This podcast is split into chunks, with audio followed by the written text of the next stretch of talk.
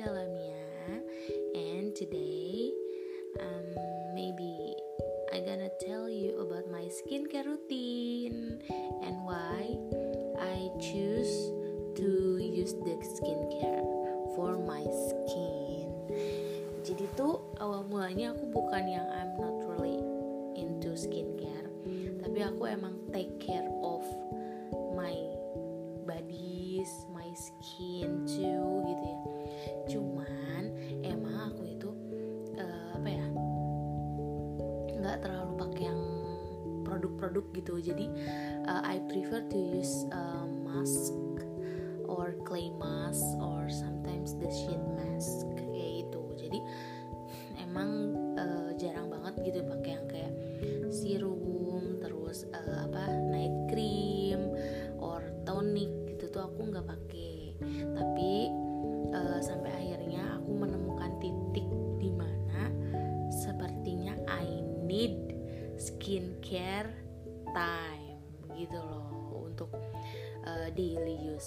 jadi akhirnya aku research dan aku sudah menemukan uh, tambatan skincare aku di tiga produk ini.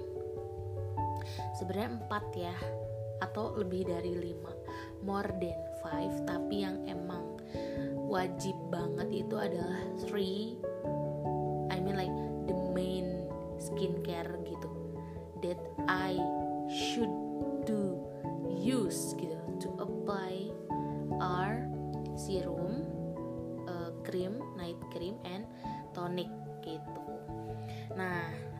basically aku itu orangnya emang uh, outdoor, outdoor person gitu. Terus aku punya banyak kegiatan di luar juga dan aku itu riding a bike, motorcycle ya. Jadi emang uh, aku nggak pakai mobil ya teman-teman.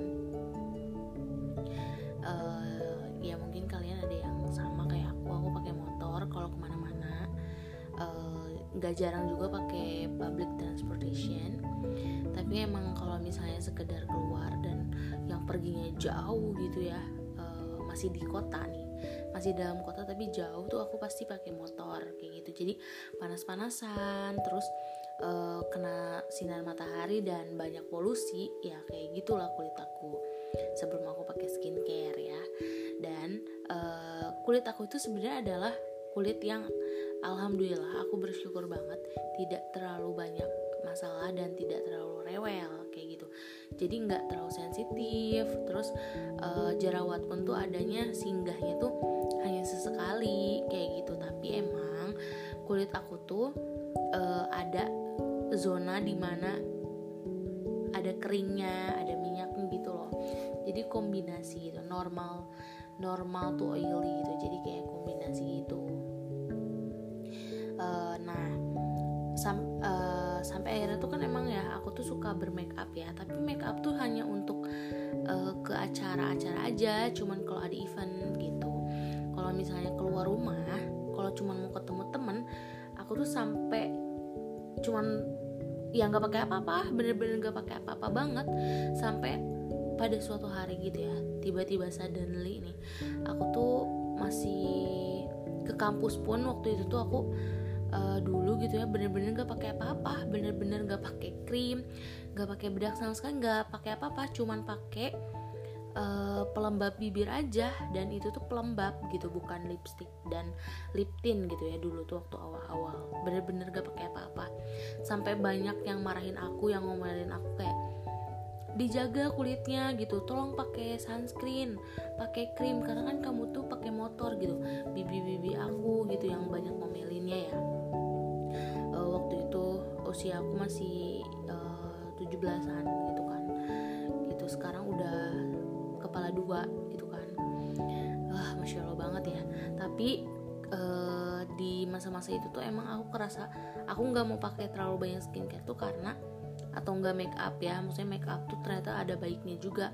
Karena dia uh, menutupi uh, kulit asli dari uh, polusi gitu maksudnya ya ada baiknya juga lah. Tapi kalau kita harus bener-bener double cleansing ya biar uh, kita ambil baiknya kayak gitu. Karena kalau kita nggak double cleansing ya pastinya kan uh, dapat jerawatnya ya kan? Karena menumpuk gitu di pori-pori gitu di kulit. Gitu. Jadi uh, pas dulu itu tuh aku emang kulit aku bener-bener masih ya fresh banget lah ya. Gimana aja uh, anak 17-an gitu kan tapi tetap gitu. Aku juga orangnya yang kayak banyak beraktivitas. Jadi aku tuh selalu mengeluh kalau pakai krim tuh atau pakai sunscreen tuh pasti pasti apa namanya? Luntur gitu. Dan aku tuh orangnya nggak suka bawa-bawa kayak gitu loh. Misalnya aku pergi ke mana terus aku uh, wudhu gitu kan misalnya atau luntur gitu kan aku harus apply lagi kan maksudnya harus touch up ibaratnya. Tapi itu aku nggak mau karena aku nggak mau bawa-bawa uh, si benda-benda kecantikan itu gitu kan ribet gitu aku mikirnya. Nah sampai akhirnya uh, kuliah pun aku cuman pakai masker masker aja gitu. Aku tuh tahu fokus kulit aku tuh untuk usia segini tuh untuk melembabkan. Tapi aku nggak tahu nih produknya apa yang aman yang cocok untuk usia 20-an ya waktu itu jadi aku belum sama sekali belum punya skincare gitu. Uh, maksudnya ya skincare aku tuh apa gitu yang harus aku beli tuh apa aku nggak sama sekali nggak punya. Sampai akhirnya di umur 20-an uh, eh, selama mungkin baru dua tahun terakhir ini aku ngerasa kayak aku baru sadar gitu. Kayaknya kulit aku nih gak sekenyal dulu gitu aku mikirnya gitu ya. Terus aku benar-benar menghindari serum karena kan serum tuh kayaknya um, untuk umur sekian deh gitu 30 ke atas aku mikirnya gitu ya. Tapi ternyata udah ada formulasi serum yang emang uh, bisa lah ya dipakai untuk di umur 20-an yaitu uh, tergantung dengan ingredients yang dipakai di dalam serum itu. Untuk mengenyalkan contohnya kayak gitu untuk apa ya namanya membrightening gitu kan. Itu kan uh, bukan formula yang terlalu apa ya berat gitu ya untuk bukan retinol atau niacinamide misalnya kayak gitu kan. Yang niacinamide more than 2% misalnya gitu kan itu bahaya ya. Maksudnya belum belum lah gitu untuk usia uh, 20-an tuh belum belum dibutuhkan kayak gitu. Ya intinya tergantung kulit masing-masing ya bener gak nah pokoknya gitu ya teman-teman nah akhirnya pas umur 22 tuh kan aku ngerasa kayak ini sekarang aku udah umur 24 ya. Jadi di umur 22 itu uh, kayaknya nih kulit agak banyak masalah nih akhir-akhir ini gitu kan. Terus tapi aku nggak tahu nih aku tuh masih tetap maskeran. Aku tuh doyan banget sama masker yang kayak tube gitu masker yang wash off gitu.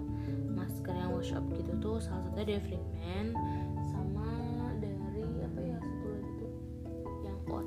gitu enak banget itu. Itu asli enak banget.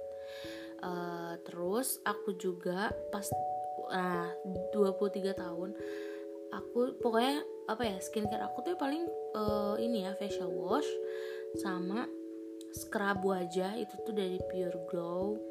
Wow, apa sih? Uh, wash offnya juga dari Pure Glow sama sunscreen tuh pakainya uh, terlalu cari yang kayak mana nih? gitu sunscreen yang gak luntur gitu yang cocok di kulit aku. Itu tuh belum ya aku tuh belum pakai. Jadi masih asal-asalan yang ada aja aku pakai. Itu dari pure glow juga. Terus tuh ya udah cuman asal pakai gitu loh teman-teman. Sampai akhirnya di umur 23 tahun itu tuh aku kayak banyak kering udah mulai kering nih. Kan di garis senyum tuh udah mulai kayak kering di dekat hidung tuh kering kayak gitu jadi mengelupas. Aku kan bingung ya kayak wah ini wajah aku kenapa nih? Terus uh, apa ya kayak bercak hitam dan kayak uh, terlihat tidak sehat gitu kulitnya. Dan aku tuh sebenarnya worry ya kayak wah gimana nih gitu kulit aku? Gitu kan. Kenapa aku worry?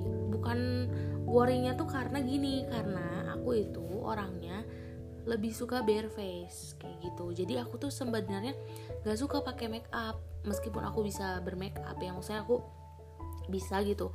Kalau untuk ke undangan ya ke event gitu tuh aku bisa bermakeup tapi aku nggak mau menggunakan si daily makeup itu tuh untuk sehari-hari gitu kan. Ada juga ya orang-orang yang kayak uh, lebih milih makeup juga untuk daily activitiesnya gitu kan. Nah kalau aku tuh lebih suka uh, wajah skin aku tuh healthy gitu ya.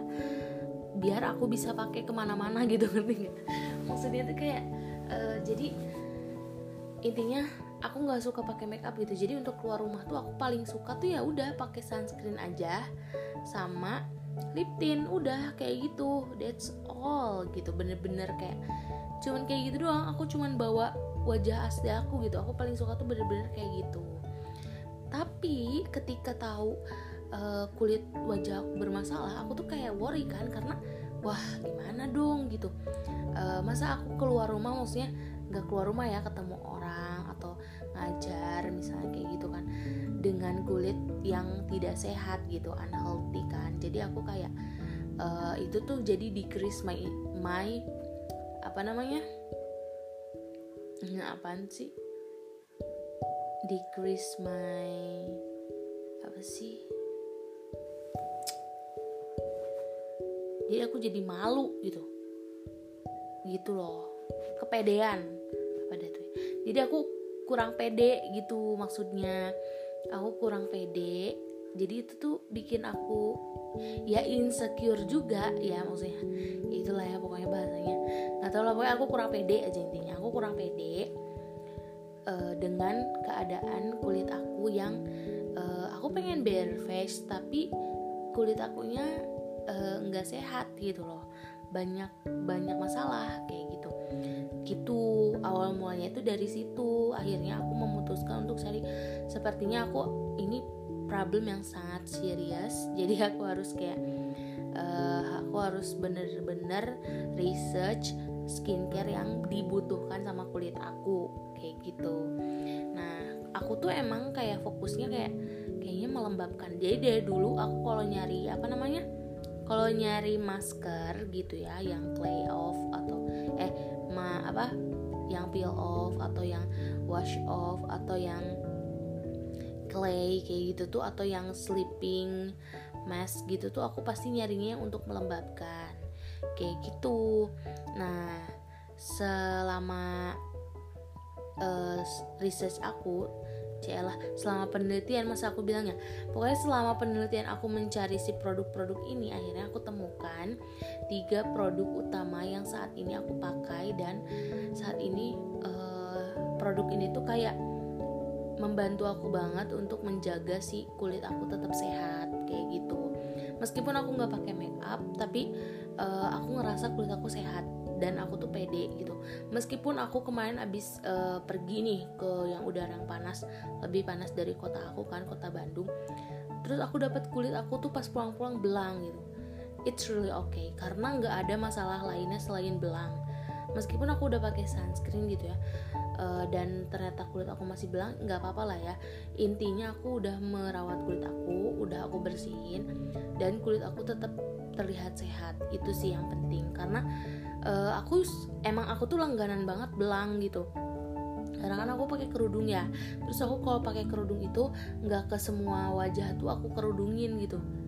Jadi karena kenapa nggak aku kerudungin? Karena tuh kalau aku ke semua wajah aku kerudungin gitu ya eh kalau ke semua wajah iya gitu ya aku kerudungin gitu. Itu tuh pasti masih ada rambut-rambut halus yang keluar gitu kan. Kan juga ya itu kalau dalam agama aku tuh tuh aurat kayak gitu loh. Jadi aku mas uh, nggak nggak nggak pakai kerudung itu nggak ke semua wajah. Gitulah pokoknya ya teman-teman. Jadi ada belang gitu jadi pasti belang. Kayak gitu. Padahal aku ke luar kota tuh cuma tiga hari. Dan itu tuh nggak gimana ya outdoornya juga cuma dua hari lah. Seharinya tuh bener-bener tapi emang aku renang gitu. Tapi renang juga sep apa ya perasaan aku tuh nggak kena sinar matahari justru dingin. Waktu itu keadaannya lagi mendung gitu tapi ya nggak tahu ya walau nah terus pokoknya aku ngerasa kayak ih belang gitu. Tapi ya udah nggak apa-apa. Lagian kulit aku sehat gitu. Maksudnya kayak uh, ya selama kulit kulit aku sehat aku masih percaya diri kayak gitu dan aku pengen ngasih tahu uh, aku untuk uh, the main karakternya itu sebenarnya aku pilih yang paling utama tuh adalah serum sama night cream. Aku tuh orangnya nggak suka. Nah aku tuh orangnya nggak suka yang ribet sebenarnya. Kayak pakai ini pakai itu banyak kan. Biasanya skincare tuh tahapan itu banyak ya. Kayak dari mulai eye cream terus misalnya apa ya? Serum night cream day cream terus semprotannya terus apanya tuh? Uh, scrubnya dan lain-lain gitu kan. Sampai 7 atau 8 step itu kan banyak banget gitu ya. Sebenarnya kalau kita hitung dari mulai apa facial wash tuh pasti emang banyak gitu kan. Misalnya aku punya nih facial washnya aku pakai dari uh, Pure Glow sama Azar Azarin gitu ya. Jadi aku masih pakai yang dulu tapi aku juga suka sama wangi yang Azarin yang uh, apa sih? Si series pokoknya yang warna kuning facial washnya aku pakai itu. Itu setiap hari ya. Itu mah udah kayak sabun kan sabun mandi gitu. Oke. Okay. terus abis cuci muka itu tuh aku pasti semprotin toner dari Hatamogi yang Indonesia. Yang dari Autumn apa gitu ya. Pokoknya itu uh, Hatamogi versi Indonesia kayak gitu. Terus setelah itu aku baru pakai serum. Nah serumnya itu aku bener-bener research ya. Ngeliat uh, nonton di video YouTube terus di blog gitu ya. Baca-baca dari review orang-orang gitu karena kan fokus aku untuk melembabkan gitu kan to moisturizing my skin gitu. Akhirnya aku dapatkan awal skin yang marine collagen itu. Gitu guys. Tadinya aku udah sempet pengen kayak pakai uh, produk Scar Tet terus produk yang pun udah aku sebutin ya. Terus apalagi ya uh, yang lagi happening juga Sam Tet terus apalagi ya uh, Azarin tuh aku pernah pakai serumnya. Cuman uh, Azarin tuh jadi uh, serumnya tuh banyak banget kandungannya. Jadi dari satu serum tuh ada lima lima bahan misalnya kayak gitu. Nah sebetulnya dari yang aku baca juga katanya serum itu sebetulnya paling sedikit tuh ya dua produk gitu. Dua bahan dalam satu produk gitu. Jadi kalau banyak terlalu banyak tuh nggak akan langsung efek gitu ibaratnya kayak gitu. Ya mungkin ngefek tapi mungkin dari one until ten tuh yang mungkin cuman berapa persen kayak gitu loh. Jadi ya kalau Zarin menurut aku ya mungkin ya bagus mungkin ya. Kandungannya udah pakai yang high recommended gitu ya udah bagus-bagus lah. Meskipun harganya affordable banget tapi emang harus dipakainya tuh lama terus hasilnya nggak akan secepat yang aku punya karena kalau yang aku punya tuh ya semingguan tuh udah kelihatan kayak gitu lembab kayak gitu. Terus untuk uh, night creamnya nah aku kenapa milih night cream nih? Karena tuh aku emang kalau misalnya uh, aku orangnya gampang berkeringat ya. Jadi kalau misalnya aku pakai day cream itu aku pasti banget harus touch up. Terus aku merasa kayak kalau day cream tuh all day activities jadi nggak akan terkontrol gitu penyerapannya gitulah. Aku mikirnya kayak gitu kan beda kalau night cream kita emang waktu istirahat dan kulit juga lebih cepat gitu untuk menyerap uh, produk yang ada di atas uh, pori-pori gitu kan. Jadi aku mikirnya kayaknya aku prefer to use the night cream than the day cream kayak gitu. Jadi akhirnya aku fokus juga nyari si night cream ini kayak gitu.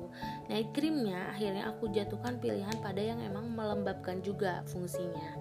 Dan ini produknya bukan dari Indonesia jadi emang banyak banget tiruannya nah kalian emang harus hati-hati banget cari yang berbarcode. Ini tuh produknya itu dari Thailand kalau nggak salah ya di sini udah ada kolagennya, glutathione sama ginseng dan alpha arbutin gitu.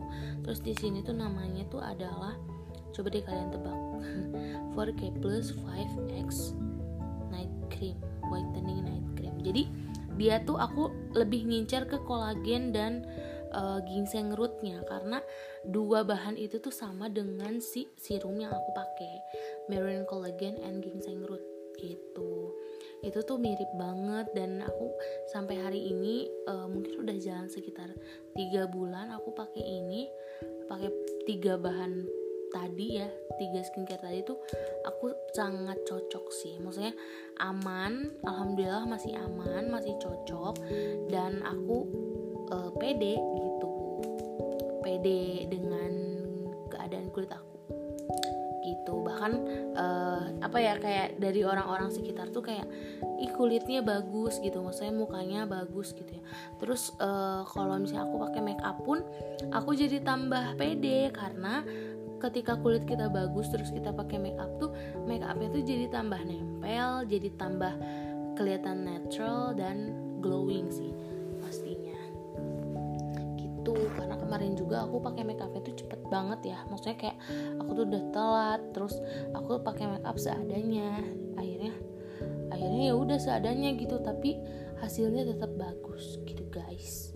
Jadi ya buat kalian yang masih mencari-cari skincare semoga ketemu ya produknya dan uh, mulailah merawat diri ya kan? Karena aku mikirnya gini ya uh, maksudnya kan zaman sekarang uh, banyak virus dan lain-lain seenggaknya tuh lu masih ada harapan hidup tuh untuk pakai skincare. Kayak gitu. Aku mikir kayak gitu sih kayak harus semangat gitu karena uh, apa sih toner aku masih banyak kayak gitu loh. Toner aku aku baru beli satu botol lagi kayak gitu. Harus semangat kayak gitu loh harus semangat untuk hidup ya kan? Jadi dari hal-hal kecil kayak gitu ya hal-hal yang menurut orang lain tuh kayak apaan sih? Tapi menurut aku kayak uh, gitu gitu. Terus uh, misalnya kita lagi keadaan sakit nih kan. Nggak apa-apa maksudnya badan kita sakit yang penting kulit kita glowing. Maksudnya itu karena kayak biar ada semangat aja kayak gitu loh. Nggak apa-apa gue sakit misalnya gitu ya. Tapi yang penting uh, wajah aku tuh terlihat sehat kayak gitu. Gitu sih sumpah hanya untuk motivasi aja untuk kayak uh, semangat hidup gitu untuk terus berjuang ya nggak sih guys semangat pemirsa kalau maskernya oh ya maskernya tuh aku yang untuk dibawa tidur tuh aku paling suka dari Azarin juga ada yang sleeping water cool mask itulah pokoknya ya Terima kasih sudah mendengarkan podcast aku. Semangat hidup, semangat skincarean.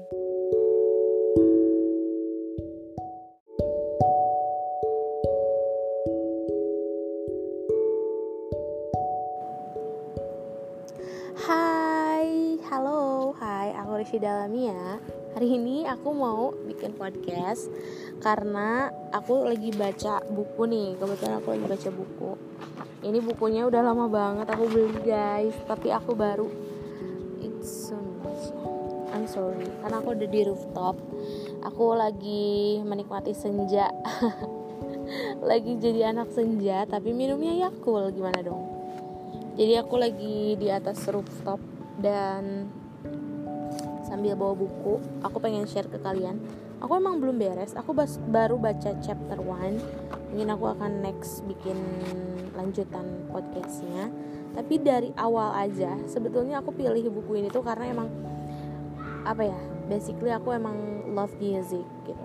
Aku suka music aku suka musik dan aku apa ya I'm really into music gitu. Maksudnya ya aku suka aku suka dengerin berbagai aliran ya aliran musik ya maksudnya dan emang dari pertama aku lihat covernya tuh sebenarnya aku nggak lihat cover ya tapi aku lihat judul di sini tuh ditulisnya sama John Powell, author of How Music Works. Jadi buku sebelumnya itu judulnya adalah How Music Works gitu. Terus di sini uh, ada tulisannya lah ya dari Benny Krause PhD, author of The Great Animal Orchestra. Katanya, in this book Powell does for music what Masters and Johnson did for tooth gitu ya. Dan awalnya aku kayak, hah? Asli aku beli buku kayak gini taunya uh, semua itu tuh bisa berubah gitu dengan musik intinya tuh kayak gitulah. Nah terus di sini aku baca juga belakangnya nih. Aku nggak mau kehilangan kancah aku. Di sini belakangnya tuh banyak banget tulisan kayak music can change the taste of wine music can cure insomnia. Terus di sini juga banyak banget Music can reduce pain at the dentist katanya gitu. But only if the dentist lets you hold the volume control katanya gitu guys. Ini sorry ya kalau misalnya berisi karena emang aku benar di rooftop dan outdoor kayak gitu.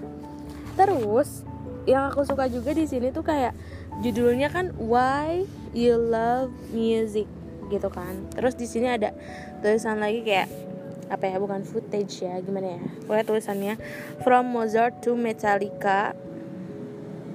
I'm sorry. Aku ulang ya. From Mozart to Metallica the emotional power of beautiful sound. Ini uh, aku baru baca chapter one aja tuh kayak seru banget gitu karena aku emang suka ya gitu. Jadi ketika kita baca buku yang emang kita suka tuh kayaknya pengen dibaca terus pengen dipahami lagi dan lagi kayak gitu loh. Terus dari halaman pertama aja di sini udah dibilangin katanya kan.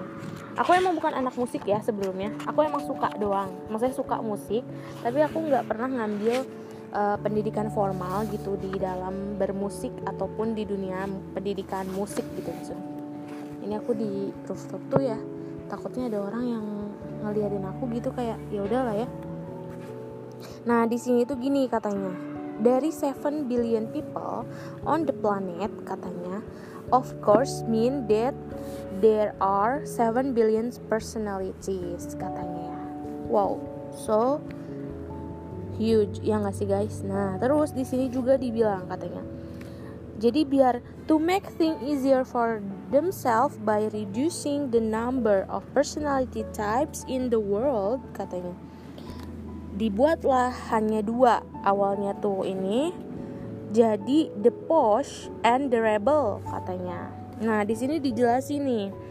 Terus katanya di sini juga they then went on to work out that there were only two types of music. Jadi ada dua personality. Yang pertama ada the posh and the rebel. Dan untuk untuk apa types of musicnya itu dibuatlah di make it simpler jadi dua posh and low brow guys. Jadi awal mulanya tuh kayak gitu ya. Sebelum ada folk, sebelum ada jazz, klasik dan lain-lain itu loh. Gitu jadi kalau nah terus di sini dijelasin ya. Startling revelation that posh people like posh music. Jadi posh aliran posh itu cuman suka posh music posh music. And the rebel the, yang aliran rebel ini yang aliran rebel like all the other stuff. Kayaknya aku masuknya the rebel karena aku enjoy aja semua jenis musik ya. Apalagi yang ah ah oh no no no. Apalagi yang aku tuh lebih ke liriknya. Jadi makna dari lirik. Makna dari lirik tersebut ada artinya gitu yang meaningful tuh aku lebih suka gitu. Karena gimana ya? Selain dari selain dari uh, apa sih namanya? Nadanya selain dari notesnya gitu ya selain dari tunnya gitu aku bisa menikmati arti dari lirik, lirik tersebut gitu maknanya kayak gitu. Jadi kalau misalnya aku ngedengerin classical music itu yang cuman orkestranya doang aku bisa menikmati emosinya. Cuman kayak uh, sometimes kalau misalnya emang pengen banget lagi ngedengerin makna dari sebuah lagu tuh kayaknya aku prefer yang lagu yang emang aku ngerti ngerti maknanya. Kayak gitu. Tapi emang kalau pikiran aku lagi ruwet gitu uh, uh, apa ya aku butuh yang calm music gitu untuk menenangkan aku kayak gitu. Sometimes gitu I play classical music gitu. Jazz and orchestra kayak gitu. Cela jazz and orchestra. Ini ada sound apa lagi ya terus dari buku ini juga serunya karena tadi sebelah aku tuh langsung ada apa ya namanya uh, handphone gitu handphone orang maksudnya ya jadi kan aku setiap kalau baca buku tuh semu nggak nggak diharuskan ada handphone gitu di sebelah aku biar fokus aja gitu bacanya ya.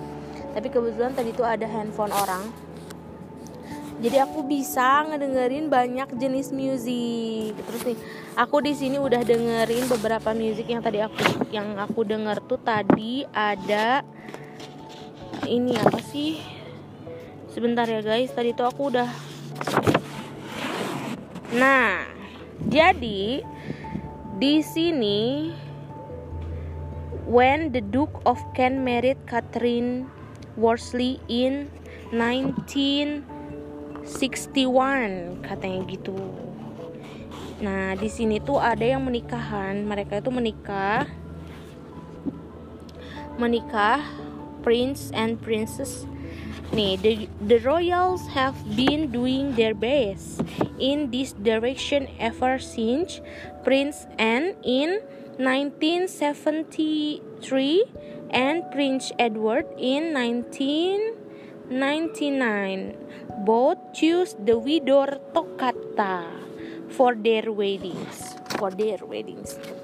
Nah, aku udah nyu, udah nyoba. I heard Widor Toccata gitu yang udah di play di weddingnya Princess Anne di tahun 1973 dan Prince Edward di tahun 1999. Jadi mereka memutarkan lagu Widor Toccata. Mereka udah mungkin udah searching kayak uh, best song ever gitu. Apa nih lagunya gitu kan. Ternyata jatuhlah ke Widor Toccata dan tadi aku dengerin kayak emang kayak apa ya? luxurious gitu kayak bener-bener megah banget nih lagu gitu padahal kan just an orchestra gitu ya maksudnya uh, dia tuh pakai piano ya kalian harus dengerin juga siapa nih namanya? Widor Tokata Widor Tokata sama ini nih. Nah terus di sini juga dibilangin. Jadi kan tadi aku udah sempet uh, I told you I told you I told you like katanya music itu bisa mengubah uh, apa ya taste of taste of wine kata gitu kan nah di sini dicontohin katanya jadi ini kan masih chapter 1 tuh tentang what is your taste in music gitu kan.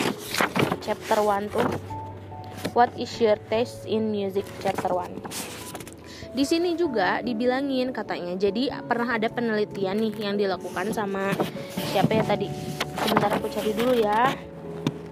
Mm, mm, uh, oh, ini burungnya terbang-terbang gitu indah banget.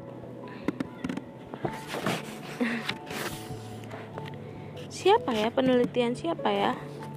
Oke sebelum aku cari eh dapetin itu tadi soalnya aku udah kelewat jauh. Nah di sini akhirnya akhirnya dari yang dua tadi akhirnya dari yang dua apa sih posh music sama sama low brow itu yang rebel akhirnya turunlah 5 tipe. 5 basic personality traits that can be reliable measure katanya gitu. Ada openness terus ada conscientiousness terus ada extroversion ada agreeableness ada neuritism neuritism. Gitu ya guys. Ada lima guys. Sampai akhirnya diturunin lagi katanya nih. Nih in order to match this personality traits to musical test the music psychologist found it useful to divide all the various types of music wow sampai akhirnya ditemukanlah guys Reflective and complex music includes classical, jazz, folk, and blues. Terus ada intense and rebellious music includes rock, alternative, and heavy metal.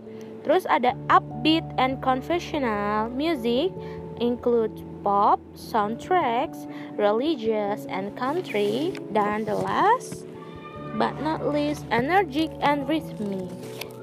Rhythmic music includes rap, soul, and electronic. Gitu, guys.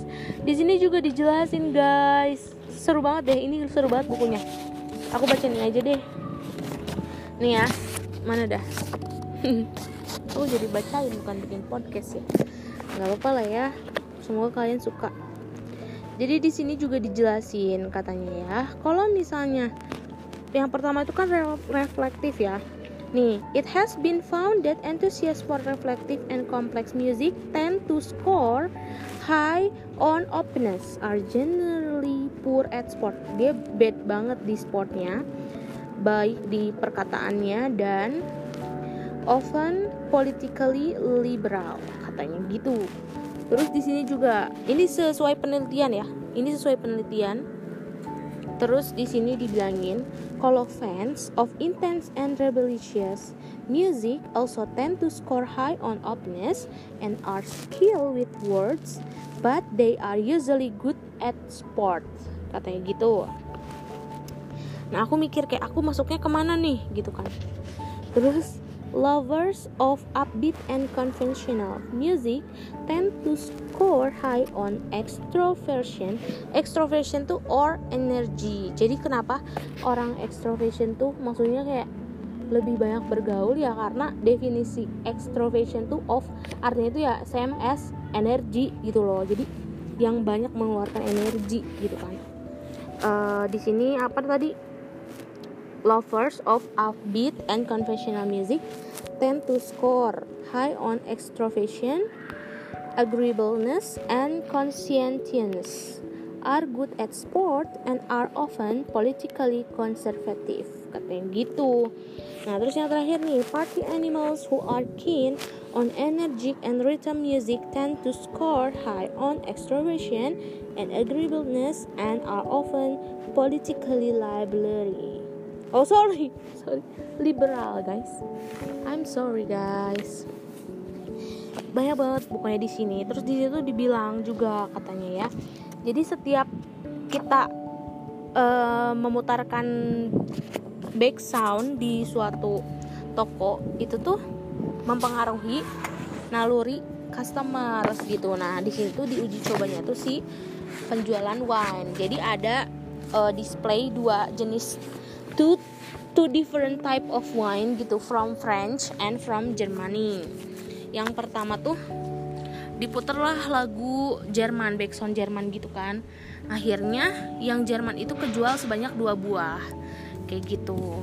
Terus di terus akhirnya diputar nih giliran yang French diputerlah lagu backsoundnya tuh yang French gitu Ternyata customer beli wine yang French itu sebanyak 5 buah. Jadi itu tuh mempengaruhi naluri customer. Kata buku ini tuh. Terus the book said gitu ya. Terus udah gitu uh, custom ada juga penelitian kayak ada nih tempat tempat tersebut tuh nggak mau dijadiin buat tempat tongkrongan anak-anak muda gitu kan. Karena ya bukan buat tempat tongkrongan anak muda akhirnya si tempat itu tuh mengusir secara halusnya tuh dengan memutarkan lagu yang mereka nggak suka. Kayak gitu. Jadi biar mereka cepat pergi katanya gitu. Benar-benar kayak emang mempengaruhi brain kita kayak gitu. Terus buku ini juga bilang katanya otak kita tuh sama kayak uh, suatu komputer gitu. Jadi uh, kita tuh ngeplay music tuh sesuai dengan uh, mood kita sesuai apa yang kita lakukan juga kayak gitu. Kalau misalnya mood kita lagi apa ya maksudnya lagi nggak baik terus kerjaan kita banyak gitu kan kita pasti nyari lagu atau muterin lagunya tuh yang kayak fun kayak gitu kan. Maksudnya bukan malah yang galau gitu. Kita nyari lagunya energi kayak gitu biar otak kita tuh kayak apa ya terinfluence gitu biar otak kita tuh kayak ikutan energik gitu hanya dari mendengarkan musik gitu. Gitu terus apa lagi ya yang tadi aku udah baca? Ini aku baru baca chapter 1 tuh tapi kayak udah ih seru gitu seru seru bigit seru BGT ini di bawah tuh ada yang main bola biasanya emang kalau sore-sore. Kedengaran gak ya suara aku semua aja kedengeran ya. Masa udah 16 menit ya kan terus juga uh, ketika kalian muter musik gitu ya kata si buku ini nih kata buku ini aka yang penulisnya itu namanya adalah John Powell. Oh ya btw John Powell ini tuh dia scientist and musician music musician musician holds a PhD in physics from Imperial College at London University and a master degree in music from the University of Sheffield in Great Britain. He is the author of How Music Works. Buku pertamanya How Music Works tuh aku jadi kayak kepo juga. Ini padahal aku baru baca chapter 1 dari Why You Love Music, sumpah. Asli. Kayak kenapa nih buku gak aku baca dari dulu ya. Ya gitulah ya guys. Terus udah gitu um, buku ini juga bilang kayak ada situasi nih gitu misalnya. Lu lagi ada di tengah kemacetan uh, suara apa kendaraan traffic jam everywhere gitu kan. Suara kendaraannya itu benar noisy banget annoying banget gitu. Terus pikiran lo tuh lagi mumet gitu habis pulang kerja habis ngerjain lain-lain. Pasti di situ tuh lu nggak mungkin dong muterin lagu muterin musik yang kayak um, apa ya complicated gitu. Maksudnya musik yang yang bikin emosi gitu nggak mungkin kan? Pasti lu mencarinya itu ketenangan gitu.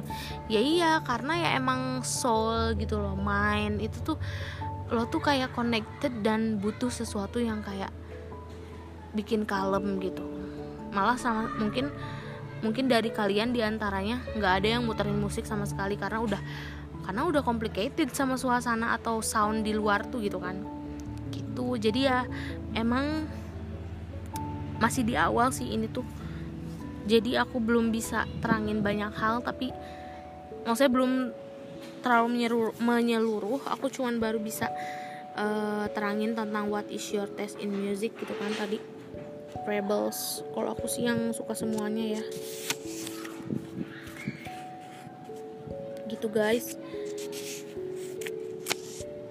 Terus di sini juga ada masih ada the distinction between cool and uncool music dibahas juga.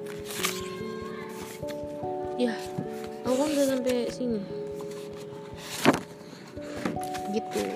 Pokoknya ini aku masih ngebaca belum beres. Pokoknya di sini juga disebutin ya. Aku mau sebutin beberapa lagu yang ada di buku ini. Tadi yang pertama itu kan ada yang di weddingnya Prince and Princess. Widor Tokata Bridal March. Nah, Bridal March ini tuh dia tuh adalah lagu yang biasa diputerin di uh, apa ya mall. Jadi music juga mempengaruhi gitu ketika orang. Jadi ada ya mana ya? Aku tadi baca ya.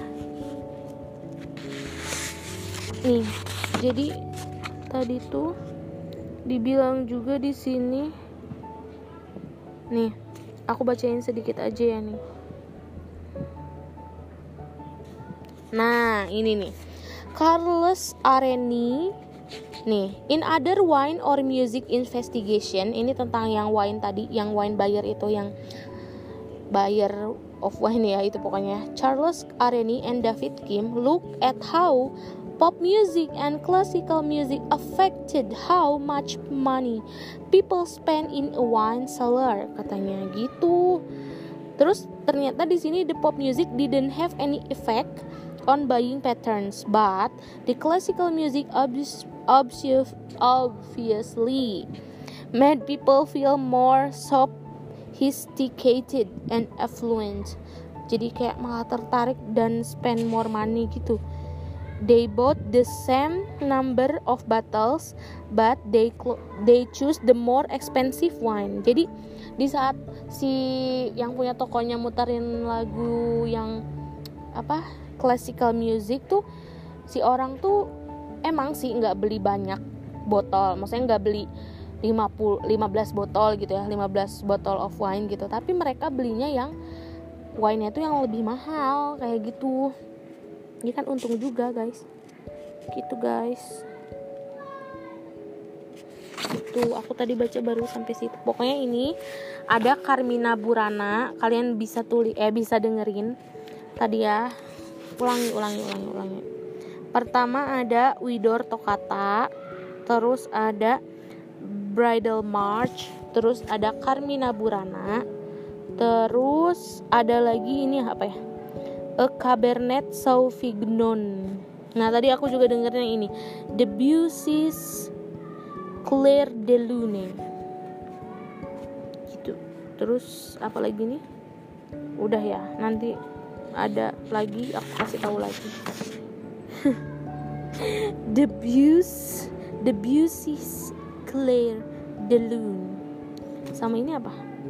Oh, ini ini bukan. sumpah seru banget sih. Aku baca buku ini kayak it's my world. Gimana it's my dream mas. Not her.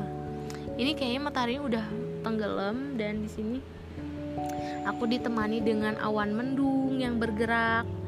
Terus ada 1 2 3 4 5 6 7 ya Allah banyak banget. 1 2 3 4 5 eh burung. Pokoknya burung banyak banget Alhamdulillah ya 1 2 3 4 5 6 7 8 mereka bergerak jadi ya udahlah ya.